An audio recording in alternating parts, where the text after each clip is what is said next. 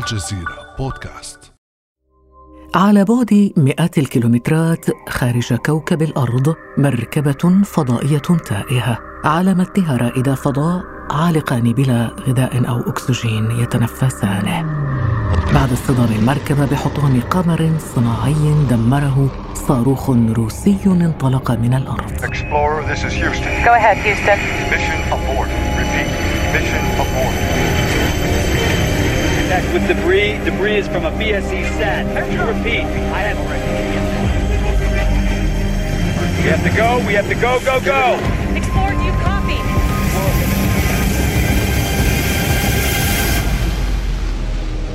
لحظة المشهد ليس حقيقيا إنه مشهد من فيلم الجاذبية أو جرافيتي المصنف من بين أفضل أفلام الخيال العلمي عام 2013 لكن الخيال كاد أن يصبح واقعا. في نوفمبر من هذا العام فجر صاروخ باليستي روسي قمرا صناعيا في الفضاء وفجر معه جدلا بين الغرب وروسيا. الغرب يتهم روسيا بالسعي إلى عسكرة الفضاء وفق تعبير الأمين العام لحلف الناتو يانس ستولتنبرغ We have been informed by uh, the United States أبلغتنا الولايات المتحدة بقيام روسيا باختبار مضاد للأقمار الصناعية نتج عنه حطام يمثل خطرا على المحطة الفضائية الأمريكية وكذلك الصينية هذا السلوك ينم عن عدم المسؤولية من قبل روسيا لقيامها بإطلاق قمر صناعي وتدميره هذا ما يقوله الامين العام للناتو كيف يرد وزير الخارجيه الروسي سيرجي لافروف но при этом сами Соединенные Штаты لا يمكن وصف تصريحات الجانب الأمريكي إلا بالمنافقة، الولايات المتحدة هي التي توسع سباق التسلح في الفضاء بشكل نشط. في عام 2020 أنشأ الأمريكيون قيادة فضائية وتبنوا استراتيجية فضائية، من أبرز أهدافها بناء مجمع عسكري متفوق في المجال الفضائي. كما بدأوا تجريب أسلحة هجومية ضاربة وإرسال منظومة دفاع جوي إلى المدار. فما المقصود بعسكرة الفضاء وهل عاد العالم مجددا إلى سباق التسلح وحرب النجوم وما تداعيات عسكرة الفضاء على الأمن والسلم الدوليين؟ وهل سنشهد في المستقبل حرب نجوم؟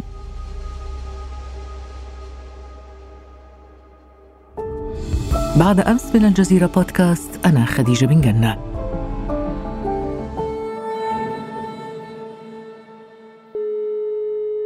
يسعدني أن أرحب في هذه الحلقة بالمحلل السياسي المختص في الشأن الأمريكي الأستاذ محمد المنشاوي. صباح الخير أستاذ محمد.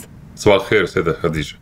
أستاذ محمد المنشاوي يعني من يوم ما كنا صغار ونحن نسمع كثيرا مصطلح حرب النجوم لكن بصراحة عسكرة الفضاء جديدة علينا ما المقصود بعسكرة الفضاء وما علاقتها بحرب النجوم؟ حرب النجوم لا تختلف كثيرا عن عسكرة الفضاء في عام 83 من القرن الماضي بادر الرئيس ريغان حين ذاك بإطلاق برنامج حرب النجوم وهو نظام صاروخي شامل مكتمل. هدف الهدف وراءه كان تأمين الولايات المتحدة ضد أي هجمات بالصواريخ من الاتحاد السوفيتي حين ذاك قبل انهياره. ورآها الكثير من الخبراء والمؤرخين بداية النهاية للاتحاد السوفيتي الذي لم يستطع مجابهة الإنفاق الأمريكي والتطور الأمريكي في مجال الصواريخ والصواريخ المضادة وأدى في النهاية إلى انهياره. وأعتقد أن هناك أيضا علاقة دائما مرتبطة بصناعة السينما الأمريكية، السينما تقدم للساسه ومصممي الأسلحة بعض الأفكار الخارجة عن النمط التقليدي ونراها بعد ذلك حادث واقع ونجد اختراعات واكتشافات كبيرة في هذا المجال وحرب الكواكب هي أحد أهم هذه الأفلام التاريخية التي رأيناها ونراها الآن في الواقع التنافسي الدولي سواء من الولايات المتحدة أو روسيا أو الصين أو حتى الهند. إذا يوظف الخيال السينمائي في هوليوود لصالح الخيال السياسي. نعم. الطائرات المسيرة بدون طيار الدرون ظهرت بداية في السينما الأمريكية والآن هي في العالم كله. وأعتقد أن حرب الكواكب وحرب النجوم ما هي إلا خطوة أخرى في هذا المسار. كل هذا مرتبط بالحرب الباردة أستاذ محمد. نعم. الصراع مستمر ودخل فيه عناصر أخرى وأطراف جديدة. الصين هي اللاعب الأهم الآن في المنافسة ضد الولايات المتحدة ولم تعد روسيا خلفهما في التطور التكنولوجي وفيما يتعلق بالفضاء أيضا. إذا كانت المواجهة قديما بين أمريكا وروسيا الآن دخلت الصين بقوة على الخط. نعم والهند كذلك أيضا. إذا التنافس الدولي على عسكرة الفضاء يبدو قويا جدا وفي سياق هذا السباق كان الرئيس الأمريكي السابق دونالد ترامب في ديسمبر من عام 2019 قد أعطى أيضا دفعة جديدة لهذا السباق بتوقيعه قرار تشكيل قوة سادسة للجيش الأمريكي وهي قوة خاصة بالفضاء. With my signature today, you will witness the birth of the Space Force. بتوقيع اليوم سنشهد ولادة قوات الفضاء والتي ستصبح الآن رسميا الفرع السادس للقوات الأمريكية المسلحة. هذا أمر رائع جدا. إنها لحظة عظيمة ونحن هنا جميعا لأجلها. الكثير من الأشياء تحدث في الفضاء والذي أصبح المجال الجديد في العالم وسط تهديدات خطيرة لأمننا القومي. لذلك فإن التفوق الأمريكي في الفضاء أمر حيوي وهام. هذا يعني أستاذ محمد منشاوي أن دولة عظمى مثل الولايات المتحدة الأمريكية طبعا كانت متفوقة على مستوى قوتها البرية وقوتها الجوية وقوتها البحرية والآن بامتلاكها أيضا قوة فضائية. ماذا يعني هذا؟ في عدة عناصر في هذا الإعلان. بداية الرئيس ترامب يريد أن يدخل التاريخ من هذا الباب. في أحد جوانب رئاسته وإرثه كرئيس مميز للولايات المتحدة كما يريد أن يكون في كتب التاريخ. فهذه هي المرة السادسة التي تقيم فيها أو تنشئ فيها الولايات المتحدة قيادة عسكرية جديدة وهي القيادة الأولى في العالم المتخصصة للفضاء وخصص لها عشرات المليارات من الدولارات.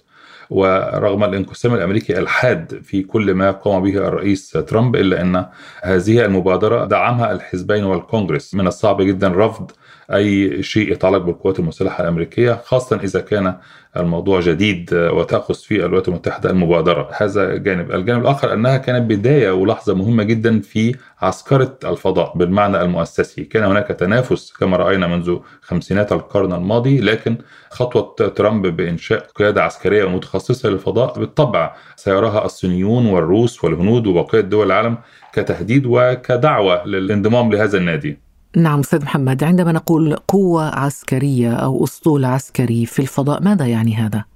عسكرة الفضاء أمريكيا كانت أحد مهام القوات الجوية وأحد مهام مؤسسة ناسا المتعلقة باكتشاف الفضاء وكان هناك فاصل بسيط بين ما هو المدني والجزء العسكري. بمبادرة الرئيس ترامب بإنشاء قيادة عسكرية للفضاء أصبح هناك جهاز كامل ومؤسسة بيروقراطية كاملة من العسكريين وبعض المدنيين الذين يعملون معهم للتخصص في هذا الجزء العسكري الجديد. نعم ولكن هذا يعني جنود وضباط وقيادات وآلات عسكرية أم ماذا؟ نعم والأهم الأبحاث العلمية. وأقمار صناعية طبعا. بالطبع. هم طبعا القيادة هنا في الولايات المتحدة على الأرض على الكوكب حتى الآن لكن بالطبع مجالها هو الفضاء وقد تكون هناك محطات فضائية عسكرية حتى الآن كل ما هو موجود من مركبات أو محطات فضائية في الفضاء هي مدنية الاستعمال حتى الآن وهناك تعاون كبير بين روسيا والصين والولايات المتحدة ودول مختلفة في استكشاف الفضاء لأهداف علمية ومدنية. لكن هنا بداية جديدة من عسكرة الفضاء وبدأتها الولايات المتحدة.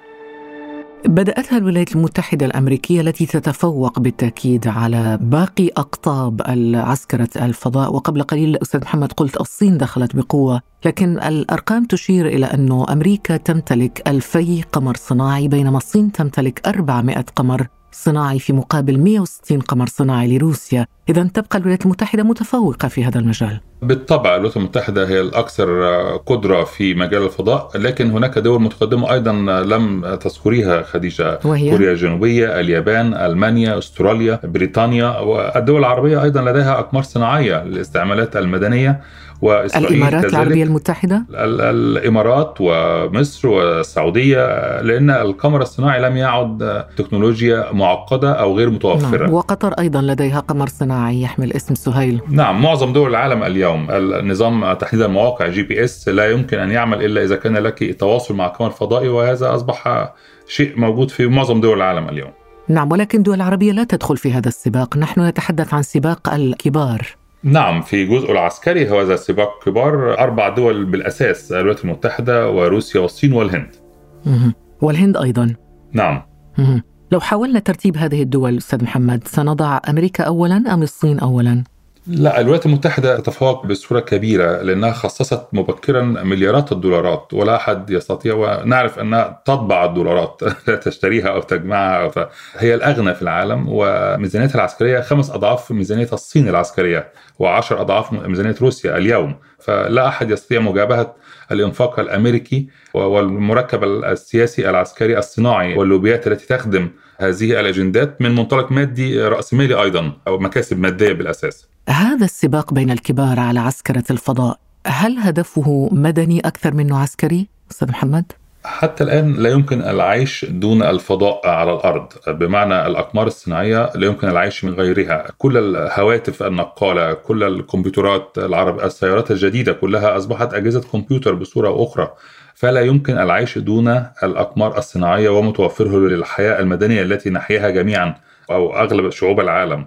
الجزء العسكري لا أحد يعرف إلى أين يتجه ما قامت به روسيا قبل أيام من تدمير قمر صناعي قديم كما ذكرت كانت نقطة فاصلة آه، لم يتم تدمير أحد هذه الأقمار الآلاف منها موجود في المجال الجوي من قبل عن طريق صاروخ أرضي. فروسيا أرسلت رسالة لواشنطن ولبكين أن هناك قدرة كبيرة لها ضرب أقمار صناعية مدنية في الفضاء وهذا يمكن أن يشل أي دولة في العالم إذا قامت دولة مثل روسيا بضرب أقمار صناعية تتعلق بالاتصالات أو بشركات الاتصالات والهواتف وجي بي اس تحديد المواقع في دولة مثل الولايات المتحدة. فهذا هو الخطر أن يكون هناك عسكرة من هذا النوع أن تشلي بها الدولة الأخرى على الأرض وليس في الفضاء. هذا لافت جدا أستاذ محمد منشاوي المثال الذي ذكرته الآن والذي يشير إلى مخاطر عسكرة الفضاء، ما قامت به روسيا من تدمير لقمر صناعي في الفضاء ولتوجيه رسائل كما قلت لواشنطن وبكين، هل يدخل في خانة العمل المارق الذي يفترض أن تعاقب عليه روسيا؟ يعني لو حدث على الأرض هناك محاكم يمكن أن تلجأ إليها، ولكن في الفضاء كيف يعني يوصف هذا العمل؟ كيف يمكن توصيفه؟ الفضاء مثل معظم التكنولوجيات الحديثة ليس هناك قوانين حاكمة ملزمة لها اتفق عليها من الدول الأعضاء في الجماعة الدولية هناك معاهدة الفضاء الخارجي أقرت تحت غطاء الأمم المتحدة عام 1967 لكنها تنادي وتطالب بتنسيق الدول بعضها البعض في الأنشطة الفضائية كي لا تضر بأنشطة الدول الأخرى. فهي يعني اتفاقية ودية لا يوجد فيها أي آلية لدفع الدول لعدم مهاجمة أو عسكرة الفضاء. هذا المجال مثل بقية المجالات التكنولوجيا الحديثة ال cyber security والذكاء الاصطناعي والروبوتات لا يوجد ما يحكمها حتى الآن وهناك انقسام دولي كبير في ضرورة وجود معاهدات ملزمة مثل المعاهدات المتعلقة بنزع السلاح أو بالحروب على الأرض أو اتفاقيات الحماية الدبلوماسية أي اتفاقات دولية تم الاتفاق عليها بعد الحرب العالمية الثانية. ما يحدث الآن هو في مجال خالي من أي قوانين ملزمة للدول ولا يوجد أي نسق أو مرجع لها في هذا المجال وهذا ما استغلته روسيا. هي لم تخالف أي قانون دولي ولم يتم معاقبتها لأنه لا يوجد قانون يحكم هذا المجال عسكر الفضاء والاستعمال العسكري له حتى اللحظة. لكن هذا خطير أستاذ محمد لأنه تخيل أنه أمريكا ترد بتدمير قمر صناعي روسي وتدخل بكين لتضرب قمر صناعي أمريكي ويعني فوضى الأرض نقلها الإنسان إلى الفضاء. وارد نعم في حال أي صراع عسكري بين الولايات المتحدة والصين سيكون الفضاء أحد الأهداف المستباحة للدولتين لتدمير اقمارهما الصناعية التي دونهما لن تستطيع الدولة الصينية أو الدولة الأمريكية العمل إذا تم إيقاف القمر الصناعي لشركة الاتصالات الأمريكية لن يستطيع الجنود التواصل مع قيادتهم الكمبيوتر سيغلق نفسه فالموضوع سيكون شلل تام وأعتقد أن هذا يستدعي من هذه الدول الكبرى الكبار كما ذكرت أن يجلسوا ويستعينوا بأكاديميين ورجال قانون وعسكريين لوضع إطار محدد لهم ولبقية دول العالم للتعامل كي لا يدمروا بعضهم البعض وتدمر الأرض كما نعرفها الآن. رغم أنه نظريا هناك اتفاقيات هناك ربما أكثر من 100 دولة وقعت على اتفاقية عام 1967 أطلق عليها معاهدة الفضاء الخارجي وهي تنص في الحقيقة على ضرورة التشاور بين الدول قبل القيام بأي شيء قد يؤدي إلى تدخل ربما ضار في أنشطة هذه الدول في الفضاء ولكن قد لا يكون هناك التزام من الدول المعنية بهذه الاتفاقيات. نعم النص ضرورة التشاور هذه جملة لو قدمناها لأي عسكري سيسخر منها ومن صياغتها. ليس هناك أي إلزامية أو ضرورة أو آلية للعقاب.